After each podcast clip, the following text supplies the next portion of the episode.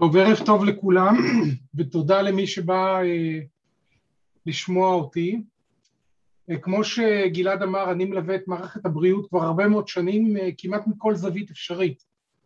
אה, הייתי גם במערכת הציבורית, גם בבית חולים ציבורי, אה, גם בקופת חולים, אה, גם בבית חולים פרטי וגם בתעשיית הביטוח, ואני חושב שזה בעצם המכלול השלם של מה שמרכיב היום את מערכת הבריאות במדינת ישראל. אה, אני טוען שהבעיה העיקרית של מערכת הבריאות שלנו זה שאין לה אסטרטגיה. מאז שהמערכת הוגמה ועד היום המערכת מתנהלת בשליפות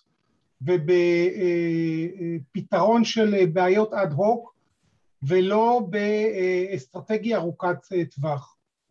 הפעם היחידה שמערכת הבריאות שלנו נהנתה ממהלך אסטרטגי היה ב-1995, שחיים רמון חוקק את חוק ביטוח בריאות ממלכתי. אבל החוק הזה אה, אה, בעצם נותן פתרון למגזר מאוד מאוד מצומצם של מערכת הבריאות, שזה קופות החולים. כל השאר לא קיבל ביטוי אה, ואין לו בעצם שום ראייה אסטרטגית אה, ארוכת טווח. עכשיו שאנחנו מסתכלים על בריאות, אנחנו צריכים להבין, להכשיר רופא לוקח 15 שנה. לבנות בית חולים לוקח 20 שנה. מצד שני, ההתקדמות של הרפואה, ההתקדמות של הטכנולוגיות, הציוד, התרופות, הטיפולים, מתקדמים בקצב מסחרר של, של, של שנה, שנתיים ויש כבר משהו חדש. זאת אומרת, אנחנו בעצם צריכים לקחת שני דברים, מצד אחד תהליכים שהם לוקחים המון זמן, לצד תהליכים שלוקחים מעט זמן, ולחבר ביניהם יחד. אם לא מתכננים את זה מראש, אנחנו מגיעים למצב שאנחנו רואים היום בטלוויזיה של אה, שביתת המתמחים וההתפטרות שלהם. אה, האסטרטגיה במערכת הבריאות צריכה אה, לקבל ביטוי בשלושה דברים. הדבר הראשון זה העניין של השוויון. אנחנו כבר 70 שנה מסתובבים סביב הזנב של עצמנו ולא מצליחים להגדיר ולא מצליחים להגיד מה זה אה, שוויון. יש שוויון, אין שוויון, צריך שוויון, אפשר שוויון. ובגלל שמערכת הבריאות שלנו לא מצליחה אה, להגיע להבנות בנושא השוויון, אנחנו בעצם במידה רבה אה, תקועים. הדבר השני שצריך להגיע לגביו להבנות אסטרטגיות זה נושא המימון. מערכת הבריאות שלנו שנים רצה אחרי הזנב של עצמה ואחרי הזנב של משרד האוצר כדי לבקש עוד ועוד ועוד משאבים אה, ובעצם אם אני אשאל אתכם מה חסר במערכת הבריאות, כולכם תגידו כסף. וזה לא נכון. אה, אין לנו אסטרטגיה, מעולם לא בנינו אסטרטגיה ארוכת טווח איך מממנים את אה, מערכת הבריאות. והדבר השלישי שאין בו אסטרטגיה זה מערכת היחסים בין הפרטי לציבורי. בעצם מערכת היחסים בין הפרטי לציבורי נגזרת משני הנושאים הקודמים, מהסוגיה של השוויון ומהסוגיה של המימון, אבל גם לבעיה הזאת וגם לשאלה הזאת בעצם מעולם לא אה, אה, התעסקנו בראייה ארוכת טווח. כן התעסקנו בנקודתית, שבה אה, יעל גרמן והחליטה להילחם ברפואה הפרטית, אבל, אבל בהסתכלות ארוכת טווח איך מייצרים הרמוניה בין פרטי לציבורי אה, באופן שתענה על הגדרת השוויון שהיינו רוצים שתהיה, אה, באופן שכל זה יוכל להיות ממומן באמצעים אפשריים וריאליים ולא בחלומות באספמיה, את, את החיבור בין שלושת הדברים האלה מעולם אף אחד אף פעם לא עשה. ואני ניסיתי לעשות את זה בספר שלי. אה, אה, לצד ההסתכלות הזאת שהיא בעצם יותר הסתכלות מקרו, הכנסתי לספר גם כל מיני סיפורים אישיים שלי, שליוו אותי ב-35 שנים של עשייה, כך שמצד אחד זה ספר נחמד וקל לקריאה, ומצד שני זה ספר שהוא, אני חושב, מדבר באמת על המהות של מערכת הבריאות. ואני אשמח לענות לשאלות. בסדר, אז בואו נתחיל קצת עם השאלות שלי, אני רק רוצה לחזק את מה שאמרת, למרות שהספר הזה מתעסק בנושאים כבדים וחלקם די מדכאים, גם ברמה האישית וגם ברמה הלאומית, הוא מאוד מאוד קריא, הוא קריא להפתיע למען האמת. אה, לא... הוא, הוא הרבה יותר טוב ממה שציפיתי. אה, זה, זה אולי לא נשמע כמו מחמאה, אבל זה מחמאה. פשוט ספר קריא ושוטף ו- וכיף לקרוא אותו למרות הנושא הכבד. אה, אני אתחיל עם השאלה, אני חושב, הראשונה, וזה, אני, אני חושב שאני אומר אולי את קולו של העם, שהרי אתה מהלל את הרפואה הפרטית, ומדבר עליה כפתרון להרבה בעיות שהרפואה הציבורית לא יכולה לענות עליה. והשאלה המיידית, אני בטוח שרוב האנשים בעם ישאלו אותך, זה האם הרפואה הפרטית לא לוקחת משאבים מהעם הפשוט ומעבירה אותו לשכבה דקה של עשירים. הרי מספר הרופאים הוא פחות או יותר נתון, נניח, כמו שאמרת בעצמך, לוקח 15 שנה להכשיר רופא, מספר, כמות המשאבים פחות או יותר נתונה, ברור שהעשירים יכולים לשלם יותר מהמוני העם לרופאים, אז האם בזה שאתה מאפשר רפואה פרטית, אתה לא דופק את העם? תראה, במצב שקיים היום יש עיוות, אבל אני כותב את הספר כי אני אומר שצריך לשנות את זה. אה, אין סיבה שבמדינת ישראל יוכשרו כל כך מעט רופאים.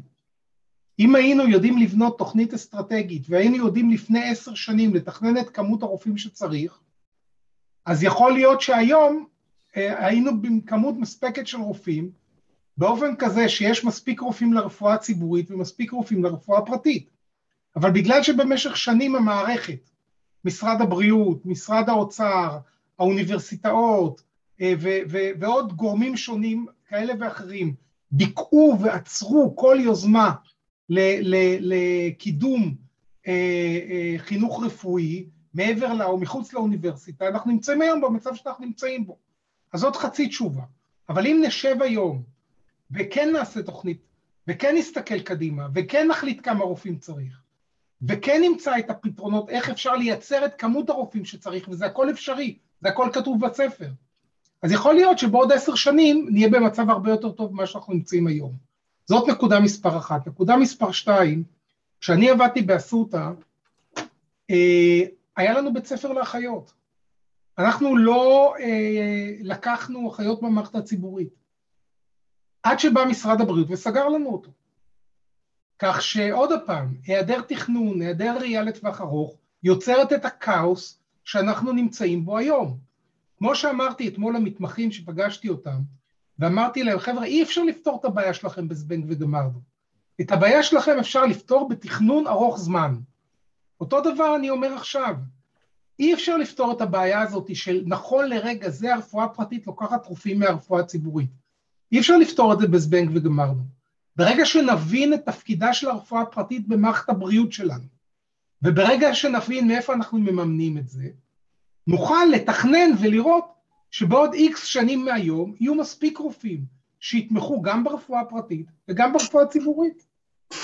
אז, אז השאלה המהירה שאני צריך לשאול, אני רק מבקש, כל מי שלא מדבר שישים את עצמו על מיוט, למה משרד הבריאות סגר לכם את הבית ספר לאחיות?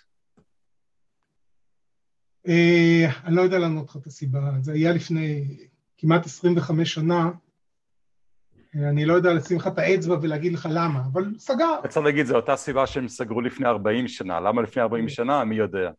אה, אוקיי, אז, אז תן לי רק לחדד את מה שאמרת. דיברת על התפקיד של הרפואה הפרטית. אז מה התפקיד של הרפואה הפרטית בעיניך? אמ, למה אי אפשר רפואה ציבורית שתיתן יופי של פתרון לכולם ומי צריך את הרפואה הפרטית? יש הרי מיסים שהם מממנים את הרפואה הציבורית. בוא נדבר רגע על שוויון, בסדר? המדינה צריכה לשאוף לרפואה שוויונית לכלל אזרחיה. הלוואי והיינו חיים במדינה שבה המדינה יודעת לתת את כל צורכי הבריאות של האזרחים שלה. הלוואי. אבל זה לא ככה. זה לא ככה משתי סיבות. זה לא ככה בגלל מגבלות תקציב שיש לנו בישראל, ודרך אגב אין אף מדינה בעולם המערבי שיודעת לממן את כל צורכי הבריאות של האזרחים שלה, וזה לא ככה בגלל שאין גבול לרפואה טובה. אני לא אקח כרגע את המשפט הסתום הזה ואפרש אותו כי אנחנו יכולים לדבר על זה ערב שלם, אבל אין גבול לרפואה טובה. אז עכשיו, לתוך החלל הזה נכנסת הרפואה הפרטית. מצד אחד, מה שהרפואה הציבורית לא יודעת לממן כי היא לא יכולה להשיג את המשאבים לזה, אני רוצה שתינתן לי אפשרות לקנות את זה מהכסף שלי. שתיים, אני רוצה ברפואה הפרטית לעשות דברים שהרפואה הציבורית לא יכולה לתת, וזה לבחור. אני רוצה במסגרת הרפואה הפרטית לבחור בית חולים, לבחור רופא, לבחור עיתוי, לבחור מקום, לבחור מכשיר, לבחור הכל. את שני הדברים האלה הרפואה הציבורית לא יכולה לתת, הלוואי והייתה יכולה לתת, אבל היא לא יכולה לתת. לכן אני טוען שהרפואה הציבורית והרפואה הפרטית הן לא מתחרות אחת בשנייה, הן משלימות אחת את השנייה. רק עכשיו צריך לראות איך עושים את זה נכון. אז, אז למשל כשמדברים על, אה, אה, אוקיי, אין, אה, אין מספיק רופאים ואין מספיק מיטות, ככה מספרים לנו בכל אופן, האם הפתרון המובן מאליו או שלא זה שכל אחד שרוצה יוכל לפתוח בית חולים פרטי בארץ וכיום כמובן זה בלתי אפשרי כי צריך את ה... את ה-certificate of need. אני לא יכול מחר לפתוח בית חולים פרטי. האם זה דבר אחד שצריך לעשות? כל אחד שרוצה על חשבונו שיפתח בית חולים שיעשה איזה הסכמים שהוא רוצה עם איזה חברת ביטוח שהוא רוצה שייתן לאנשים אה, להשתמש במזומן אם הוא רוצה. והדבר השני לעשות זה אולי שהמדינה אוקיי זו השאלה הראשונה. והשאלה השנייה שמתחברת מה הפתרון, ל... אתה הזכרת את זה אבל מה הפתרון למספר הרופאים המצומצם? אה, להוריד את הדרישות כניסה לאוניברסיטאות לתת לרופאים ממדינות המערב להגיע מכאן אז בואו אני אתחיל דווקא בשאלה השנייה. כשאני התחלתי את לימודי הרפואה שלי באיטליה, אה, אנחנו התחלנו את הלימודים באוניברסיטה, באוניברסיטת קליירי, שנחשבה אז לאחת האוניברסיטאות הטובות באיטליה, התחלנו 500 סטודנטים. אני הגעתי לסוף שנה שלישית, היינו 40 סטודנטים. זאת אומרת, הסלקציה, המעבר משנה, לשברה, משנה לשנה, היו הבחינות. היית טוב? עברת. לא היית טוב? לא עברת. אין שום סיבה בישראל לעשות בחינות כל כך מסובכות, מורכבות ו- ו- וסלקטיביות כדי להכניס לבית ספר לרפואה דווקא את אותם 40, 50 או 60 אנשים ש- ש- ש- ש- שעברו מבחן אה, אה, אה, פסיכומטרי כזה או אחר. אה, עכשיו, אה, לגבי השאלה שלך, אין, אין מספיק רופאים בישראל בגלל פוליטיקה, לא, לא, לא בגלל שום סיבה אחרת. עכשיו, יש המון דרכים והמון שיטות להגדיל את כמות הרופאים. לפתוח את האוניברסיטאות בשנים הפרה-קליניות לכולם, לאפשר למכללות ללמד רפואה, להגיע להסכמים עם אוניברסיטאות בחו"ל ולתאם יחד איתם את תוכנית הלימודים ואת הבחינות. יש אין סוף שיטות להגדיל את כמות הרופאים עם קצת רצון טוב כן, אפשר להכפיל, לשלש ולרבע את כמות הרופאים כבר בשנה הבאה, את כמות הסטודנטים לרפואה כבר בשנה הבאה.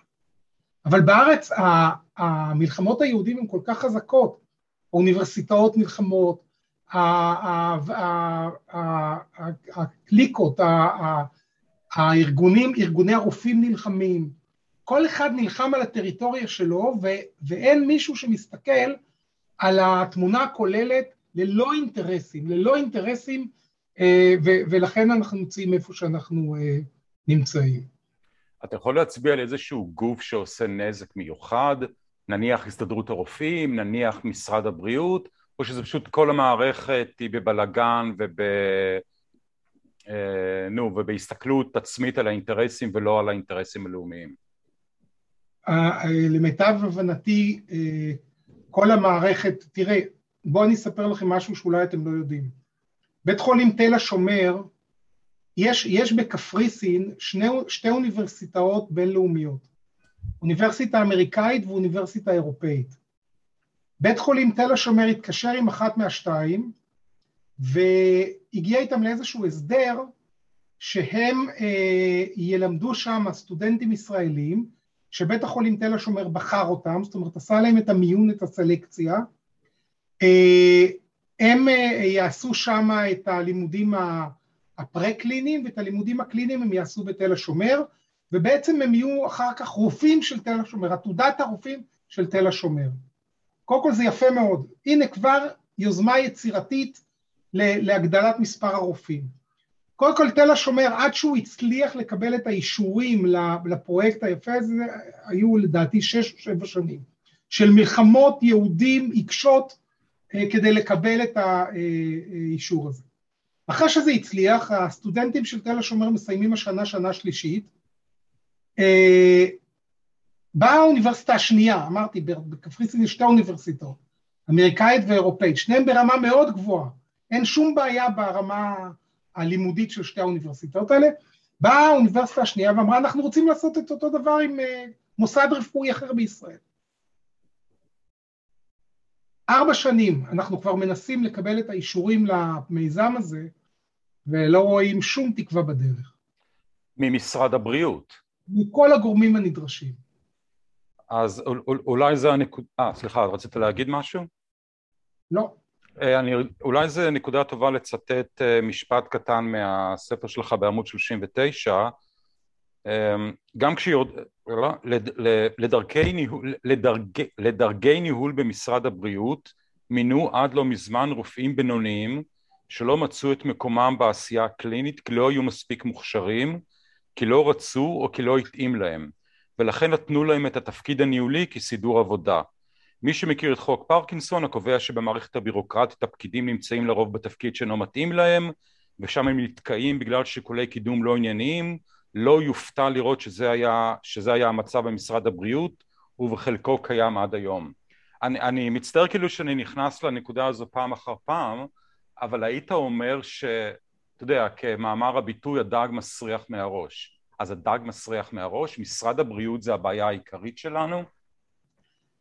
אה, כן, התשובה היא כן, אבל אה, אה, לא רק בנקודה שאתה ציינת. תראה, למה, למה אין תוכנית אסטרטגית למערכת הבריאות במדינת ישראל, אתה יודע? אין תוכנית אסטרטגית. למערכת הבריאות של מדינת ישראל, כי אה, שרי הבריאות לדורותיהם, למעט אולי חיים רמון, שרי הבריאות לדורותיהם לא רצו להיות שרי בריאות. כל השרים רצו אה, אה, תפקידים אחרים, ואת תפקיד שר הבריאות הם קיבלו כלית ברירה. עכשיו הם למדו, למדו את המשרד, חלק מהם דרך אגב התאהבו במשרד, כמו ליצמן למשל, אה, אבל אז מתחילה הבעיה השנייה, שבמערכת הבריאות, אם עושים תוכנית, מי שיקטוף את הפירות, מי שיגזור את, ה, את הסרט, זה, זה כבר לא יהיה השר הנוכחי, זה כבר יהיה שניים או שלושה שרים קדימה. כי תזכרו, להכשיר רופא לוקח 15 שנה. ואז השרים שהגיעו לתפקיד שר הבריאות, שאחרי שהם לא רצו את התפקיד, במה הם היו עסוקים? היו עסוקים בפרויקטים קצרי טווח. מה גולת הכותרת של ליצמן? גולת הכותרת של ליצמן זה, זה, זה הרפואת שיניים לילדים. מה גולת הכותרת של גרמן? המלחמה שלה ברפואה הפרטית. שגרמה לנזקים עצומים. דרך אגב, אה, אה, עד שגרמן הייתה שרת בריאות, היו הכנסות משמעותיות לבתי החולים מתיירות מרפא. באה גרמן, החליטה להילחם כמו פיל בחנות חסינה ברפואה הפרטית, ובעצם הרסה, השחיתה, קרקעה, מקור הכנסה מאוד מאוד מכובד לבתי החולים הציבוריים. זאת אומרת, אם אתם אה, תלכו אחורה, תראו שבעצם הסיבה שמערכת הבריאות היא ללא אסטרטגיה, היא כי מי שעמד בראשה מעולם לא חשב שהוא צריך להתעסק באסטרטגיה. אך אותו דבר דרך אגב עם המנכ"לים. בואו נלך ונבדוק את המנכ"לים של משרד הבריאות, נגלה שהרוב הגדול של המנכ"לים של משרד הבריאות באו מבית חולים ציבורי, עשו קדנציה קצרה במשרד הבריאות, דאגו לאינטרסים של בית החולים שלהם וחזרו לבית החולים. 95 אחוז מהמנכ"לים היו כאלה. תתארו לעצמכם שיקחו מחר את מנכ"ל בנק לאומי, ישימו אותו לשלוש שנים מנכ"ל האוצר, ואחר כך הוא יחזור למנכ"ל את בנק לאומי. מישהו מכם מעלה את זה על דעתו שזה בכלל אפשרי? אז למה אפשר לקחת את מנכ"ל איכילוב, לשים אותו למנכ"ל את משרד הבריאות, ואחרי שלוש שנים להחזיר אותו לאיכילוב? למה זה בסדר וזה לא בסדר?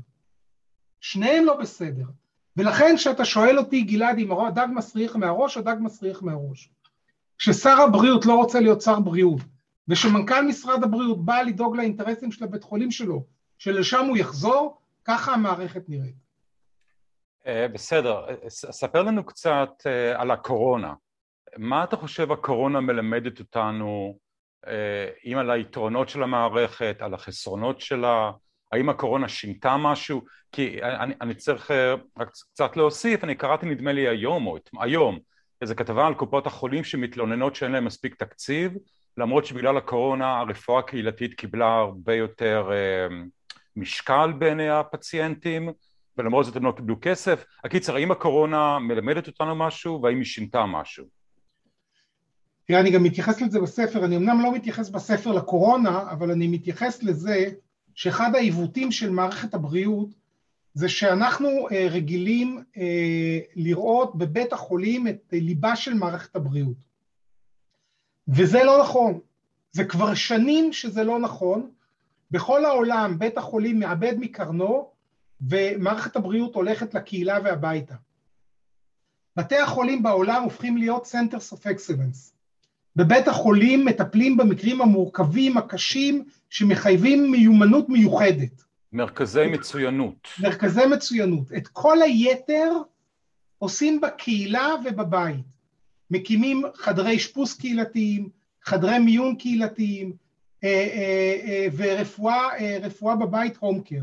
רק בארץ הדבר הזה תקוע בגלל פוליטיקה, בגלל בירוקרטיה, בגלל מלחמות של יהודים ומריבות על תקציב.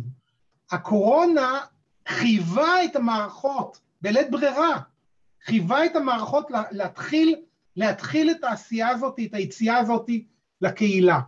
תתארו לעצמכם שמדינת ישראל, כמו חלק גדול משאר מדינות העולם, הייתה מגיעה לקורונה, כן, שבתי החולים פחות עמוסים, והרפואה הקהילתית כבר מיומנת, ו- ו- והחדרי אשפוז הקדמיים בקהילה כבר קיימים, איך היינו נראים? היינו נראים אחרת לגמרי, היינו נראים עם הרבה הרבה הרבה פחות מתים במגפה הזאת.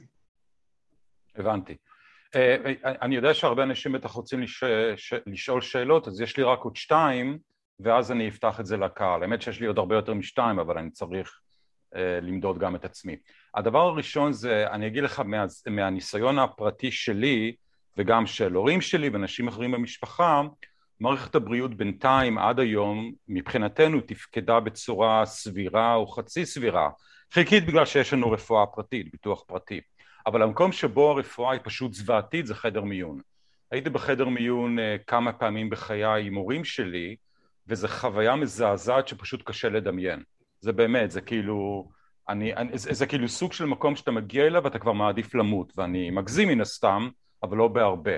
יש, אה, זה, זה, זה מחויב המציאות דבר כזה? ממש לא, ממש לא. חדרי מיון קדמיים, חדרי מיון קדמיים בקהילה, זה מה שמקובל היום וזה מה שעושים היום בעולם.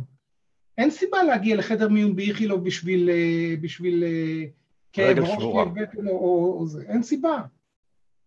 הבנתי. אה, ו, ושאלה אה, אחרונה לפני שאני פותח את זה לקהל, זו שאלה, אה, דיברת על משרד הבריאות, מקום של בעיה, הרגולציה היא בעייתית, סגרו לך אז את הבית ספר לאחיות, אתה אפילו לא זוכר למה.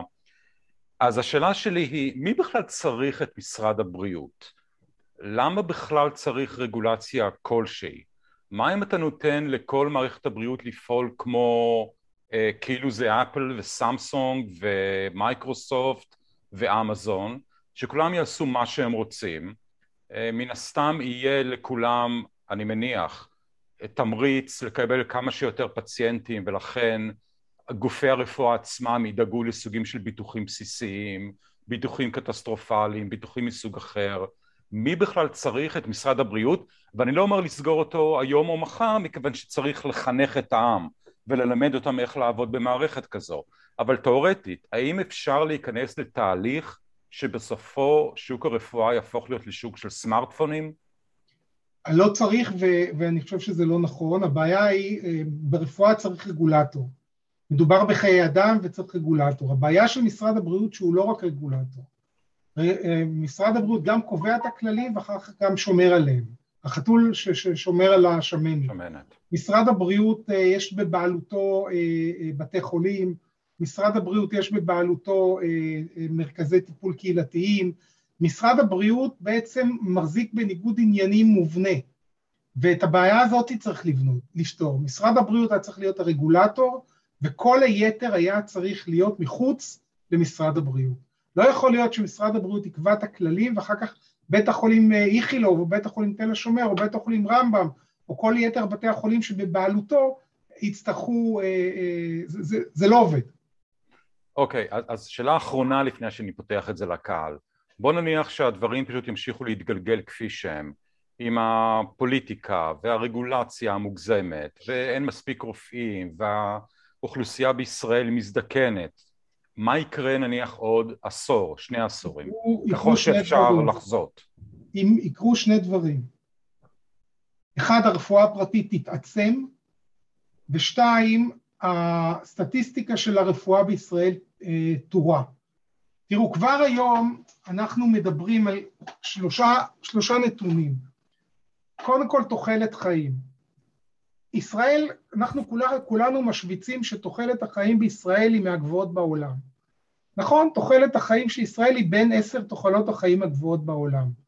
אבל כשאנחנו נכנסים פנימה אנחנו רואים שיש פער של למעלה משבע שנים בתוחלת החיים הממוצעת אה, בין מרכז לפריפריה, אה, בין רמה סוציו-אקונומית גבוהה לסוציו-אקונומית נמוכה. אם יקרה מה שאתה אומר גלעד, הפערים האלה ילכו ויגדלו. הדבר השני, אני לא יודע אם אתם יודעים, אבל אנחנו רק במקום ה-18 מקרב מדינות ה-OECD במניעת מוות בר מניעה. יש דבר כזה שנקרא מוות בר מניעה, מוות שאפשר למנוע אותו. ואנחנו רק במקום ה-18 מקרב מדינות ה-OECD במניעה של מוות בר מניעה. זה נתון מזעזע, נתון רע מאוד. והדבר מוות, השלישי. מוות בר מניעה זה כמו לעשות קולונסקופיה? לא, ל... מוות ל... בר מניעה, מוות בר מניעה זה אדם שסובל מבעיה רפואית מסוימת שהוא לא חייב למות ממנה והוא מת ממנה. Okay. אוקיי. והדבר השלישי זה זיהומים בבתי חולים, אנחנו במקום הראשון בקרב מדינת, אה, מדינות ה-OECD אה, ממוות כתוצאה מזיהומים בבתי חולים. זאת אומרת המעטפת נהדרת, הנייר צלופן מבריק, אבל כשמסתכלים פנימה רואים שהסוכריות בפנים כבר מלאות ב, אה, עובש. בעובש. אם לא נטפל במערכת הבריאות היום, בעוד עשר שנים שאתה תראיין אותי המצב יהיה הרבה יותר גרוע. מקום ראשון ב-OECD מבחינת מוות מזיהומים בבתי חולים. כן. נפלא. טוב, אמ, אני חושב שבואו ניתן, יש לי עוד הרבה מאוד שאלות, אבל בואו ניתן הזדמנות לקהל לשאול, מי שרוצה שפשוט יעשה לעצמו unmute ויצרח את השאלה שלו, או סליחה, ישאל אותה בנועם.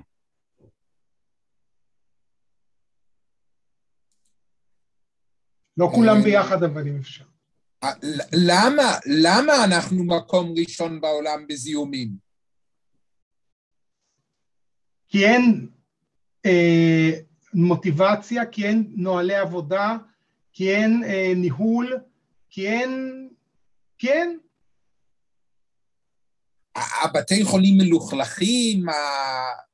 לא. מה... לא, לא. אנחנו לא, לא מבינים לא... ברפואה, מה, מה הסיפור כאן? הסיפור כאן זה אה, ניהול.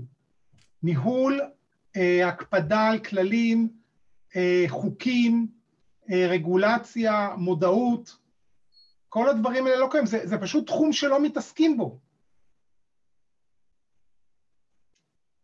אבל מספרים לנו שבית חולים שיבא הוא בין הטובים בעולם. נכון, ב- לא, בית חולים שיבא אה, עשה עכשיו איזשהו אה, פרויקט, אני לא מכיר לגמרי את הפרטים שלו, אבל בית חולים שיבא עשה עכשיו איזשהו פרויקט של שיפור אה, אה, אה, שיפור הסטריליות בבתי החולים.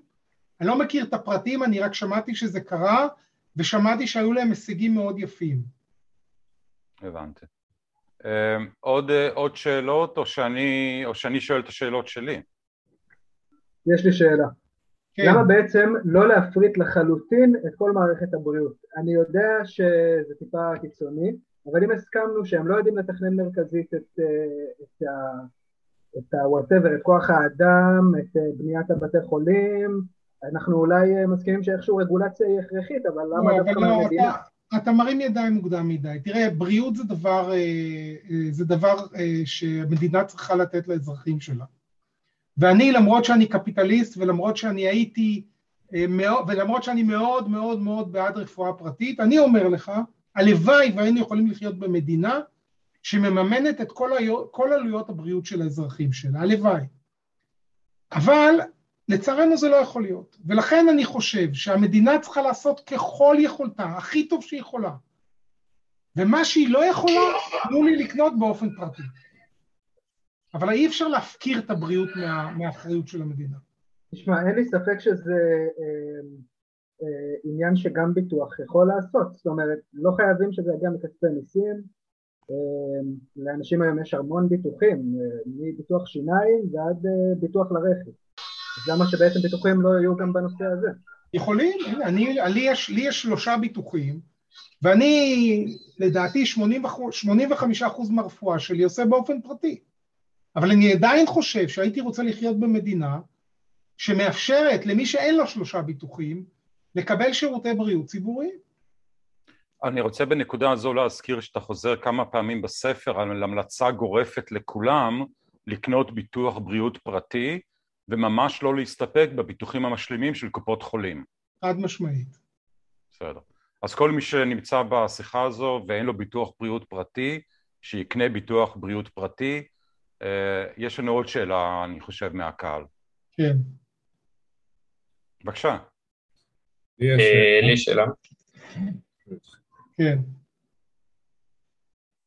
טוב, אה, מתוך ההבנה שלך, אה, יש כאילו הרבה תלונות נגיד על המערכת בריאות נגיד בארצות הברית, שהיא מאוד יקרה. מתוך ההבנה שלך, למה זה קורה? תראה, רפואה זה דבר, אה, רפואה זה דבר יקר. בארצות הברית רוב הרפואה היא רפואה פרטית, ו... ורפואה זה דבר יקר, עלויות הרופאים, עלויות התרופות, עלויות הציוד, עלויות הפיתוח. תראה, אני תמיד נותן את הדוגמה הזאת. אה, כשאתה אה, עוסק, ב... כשאתה, כשאתה עוסק בפיתוח של טנק, אתה יודע שאתה תצטרך להחזיר את עלויות הפיתוח בסדר גודל של בין 20 ל-30 שנה. כשאתה עוסק בפיתוח של מכשיר CT, אתה יודע שאתה תצטרך להחזיר את עלויות הפיתוח בסדר גודל של שנה, אולי שנה וחצי. אה, זה אולי נותן את התשובה למה העלויות של הטכנולוגיה הרפואית הן כל כך יקרות. אה, הרפואה בארצות הברית היא בעיקרה רפואה פרטית, לא מתביישים לדבר שם על רווח, לא מתביישים לדבר שם על שכר הרופאים, והיא בהחלט יותר יקרה מהרפואה בארץ.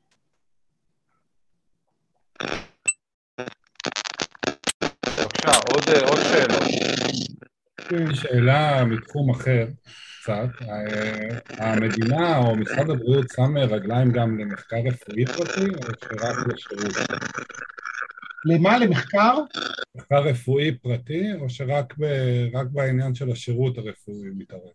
תראה, אני פחות בקיא בזה, אבל אתה יודע, מספיק שתסתכל מה קרה ל... לנושא של פיתוח החיסונים אה, במכון הביולוגי, כדי שנבין שהמדינה מתערבת גם שמה, אבל אני פחות בקיא בתחום של מחקר ופיתוח. בבקשה, עוד שאלות. אם אני יכול עוד שאלה שהיא קשורה לנושא גם אה, ששאלתי את השאלה הקודמת, אמ, אז איך בעצם המתכנן המרכזי, שהוא המדינה, איך הוא יודע כמה אה, רופאים צריך, איך יודעים כמה אחיות הוא צריך, אה, כמה מכשירים, כמה תרופות, ווטאבר, איך הוא יודע, איך הוא אמור לדעת, הוא אמור לנחש, אם הוא היום לא יש, לא יודע, איך הוא ידע? יש דרכים uh, לחשב את זה. תראה, אם הסיכום של הספר שלי, תראה, הסיכום של הספר שלי זה שצריך לקום סוף סוף שר בריאות שיבין את האחריות העצומה שרובצת על כתפיו ויהיה מוכן להקדיש את הקדנציה שלו לבניית תוכנית ארוכת טווח. והתוכנית הזאת צריכה לקבל ביטוי בחוק שאני קורא לו חוק למדיניות בריאות. וכשזה יקרה אנחנו נוכל אה, להתרווח על הכיסא ולהגיד אוקיי, אנחנו אה, יודעים שבעוד עשר שנים גם אנחנו, גם הילדים שלנו וגם הנכדים שלנו יהיו בידיים טובות, אבל עד שזה לא יקרה, אני אומר לך את האמת, אני מאוד מוטרד. עבודה, צריך קדנציה שלמה של שר בריאות שיגיד, אני מקדיש את עצמי לעתידה של מערכת הבריאות. כל מה שאני אעשה היום יקבל ביטוי בעוד חמש, עשר וחמש עשרה שנה. צריך לשבת, צריך לתכנן, צריך לגבש אסטרטגיה, צריך לקבל החלטות קשות על התחומים שאמרתי לכם, מה זה שוויון, מה המימון, אה, אה, מה מערכת היחסים בין פרטי לציבורי, ועל בסיס זה לבנות תוכנית ולחוקק חוק. אתה, אתה יודע, אודי, זה כנראה הקבוצה היחידה שיצא לך לדבר איתה, שאנשים הם עוד יותר קפיטליסטים ממך, ושואלים אותך למה לא להפריט יותר, ומי בכלל כן. צריך את משרד הבריאות. זו חוויה שאולי לא תהיה לך יותר. אה, עוד, אה, עוד אה, שאלות? אני חושב שפופל רוצה לשאול שאלה. כן, אני רוצה לשאול. בבקשה. אני, כל מה ששמעתי עד עכשיו, השורה התחתונה, המכנה המשותף, זה הקשר של משרד הבריאות, והוא לא יכול לא להיכשל. אין דבר כזה שפוליטיקאי, גם אם הוא יהיה ישר, וגם אם הוא יהיה כישרוני, וגם, אה, לא יודע, הוא, אין דבר כזה שהוא יהיה מסוגל לתכנן כל כך הרבה פרמטרים. ורק שוק חופשי יכול להגיע, להביא לידי ביטוי את חוכמת ההמונים, והתכנון הפרטי של כל בתי החולים אה, הפרטיים לגמרי, ללא בתי חולים ציבוריים בכלל, שיתחרו ויעלו את המחיר. כי, כי זה כסף ציבורי, זה לא בעיה בשבילם. זה מעוות את כל הפרמטרים של, של שוק אמיתי ברגע שיש רגולציה ממשלתית, והסכנה הכי גדולה, הכי הכי הכי גדולה, זה הריכוזיות. הריכוזיות אה, של הרגולציה אה, מביאה אותנו למצב כזה שכל הביצים בסל אחד, והיה וטעה, וטעה לגמרי, לדעתי, כל מי שהיה בתפקיד מאז שהתחילה הקורונה, כי לא נתנו גישה לדברים אחרים. אם חברות ביטוח פרטיות היו מבטחות את הציבור, של, את, ה, את בעלי הפוליסות, אה, כל מומחה של כל חברת ביטוח היה נותן המלצה אחרת, אה, מגוונת, וחלק היו צודקים וחלק היו נכשלים, אבל לא כל הביצים בסל אחד. לדעתי, אנחנו הולכים לעבודה. לגבי הקורונה אני מסכים איתך, דרך אגב. מה זה? לגבי הקורונה אני מסכים איתך. אם משרד הבריאות לא היה אוחז... אבל זה תמיד, בכל תחום, גם באונקולוגיה. אונקולוגיה רוצחת כל שנה מעל 12 אלף ישראלים. עזוב, לא דיברת קודם על זיהומים, אבל אונקולוגיה לשיטתי, בצורה שהיא מתנהלת, עזוב שהיא רצחה לי את חמותי, את אימא שלי ואת סבא שלי ועוד הרבה. זו דעתי. אני לא רופא, הייתי בסך הכל חובש בכיר בצבא. זה הכל. לדעתי, זה מה שקורה. זה ניסיונות והתעללות, וללא הטיפול הם היו חיים יותר וביותר אה, איכות חיים. אבל עזוב. בסדר, פופל, בוא תיתן לאודי לענות. אין בעיה.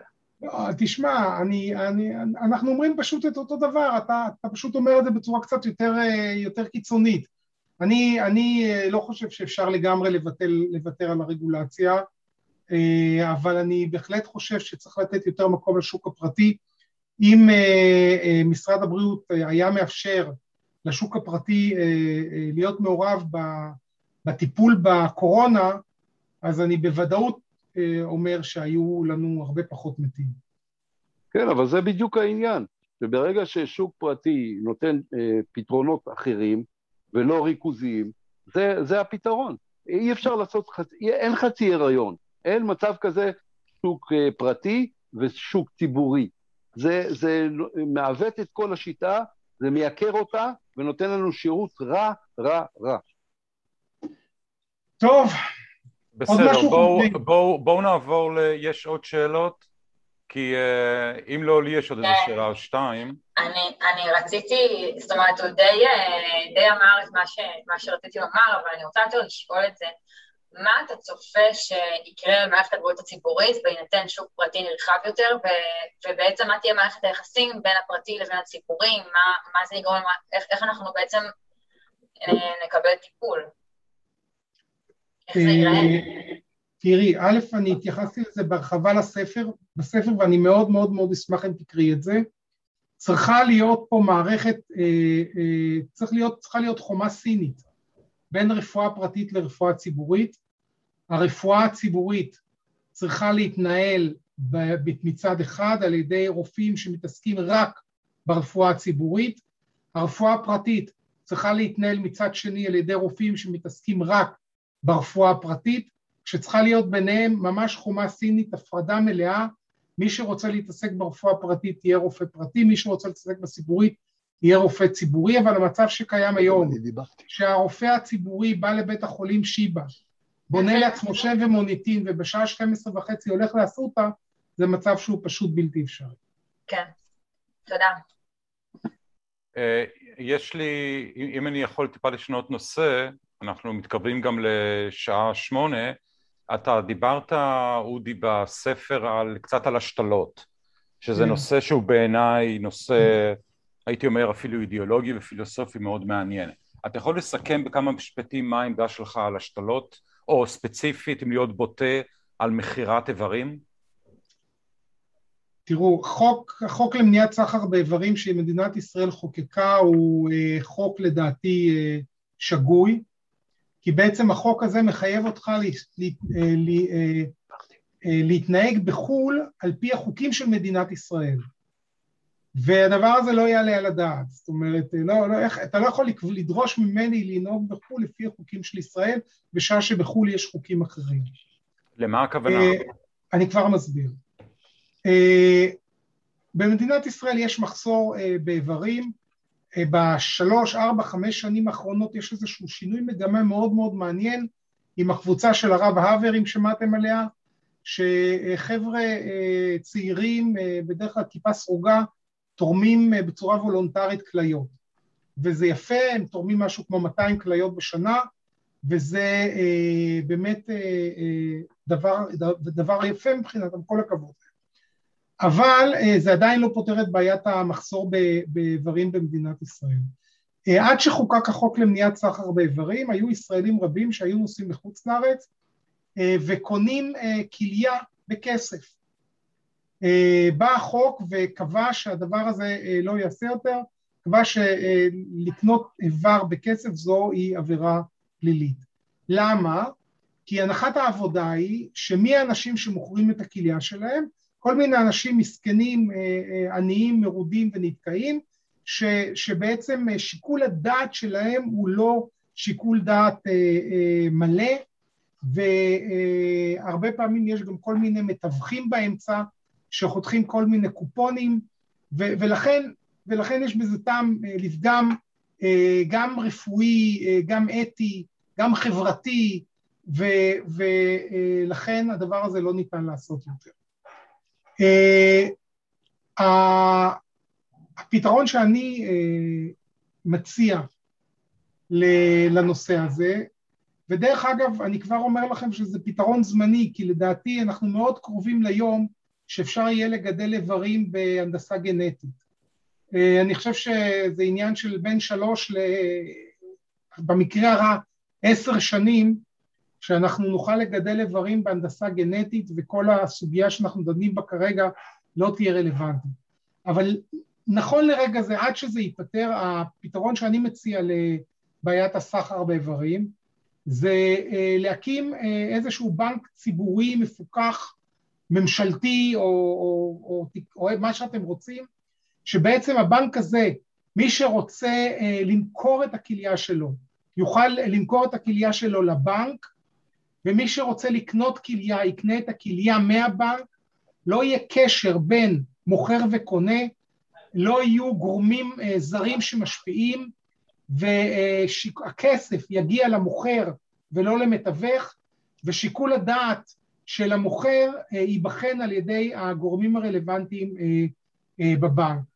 ובצורה כזאת, כי מה אני אומר? אני אומר שהאדם האחראי על הגוף שלו, ואם יש בן אדם שפשט רגל או שירד מנכסיו ויש לו חמישה ילדים בבית ואישה שצריך לגדל והדרך היחיד של, הפתרון היחיד שלו לצאת מהברוך הכלכלי שהוא נמצא בו זה למכור כליה, אני לא רואה שום סיבה שהוא לא יעשה את זה, בתנאי שהמכירה הזאת נעשית בצורה אתית, מבוקרת ומפוקחת.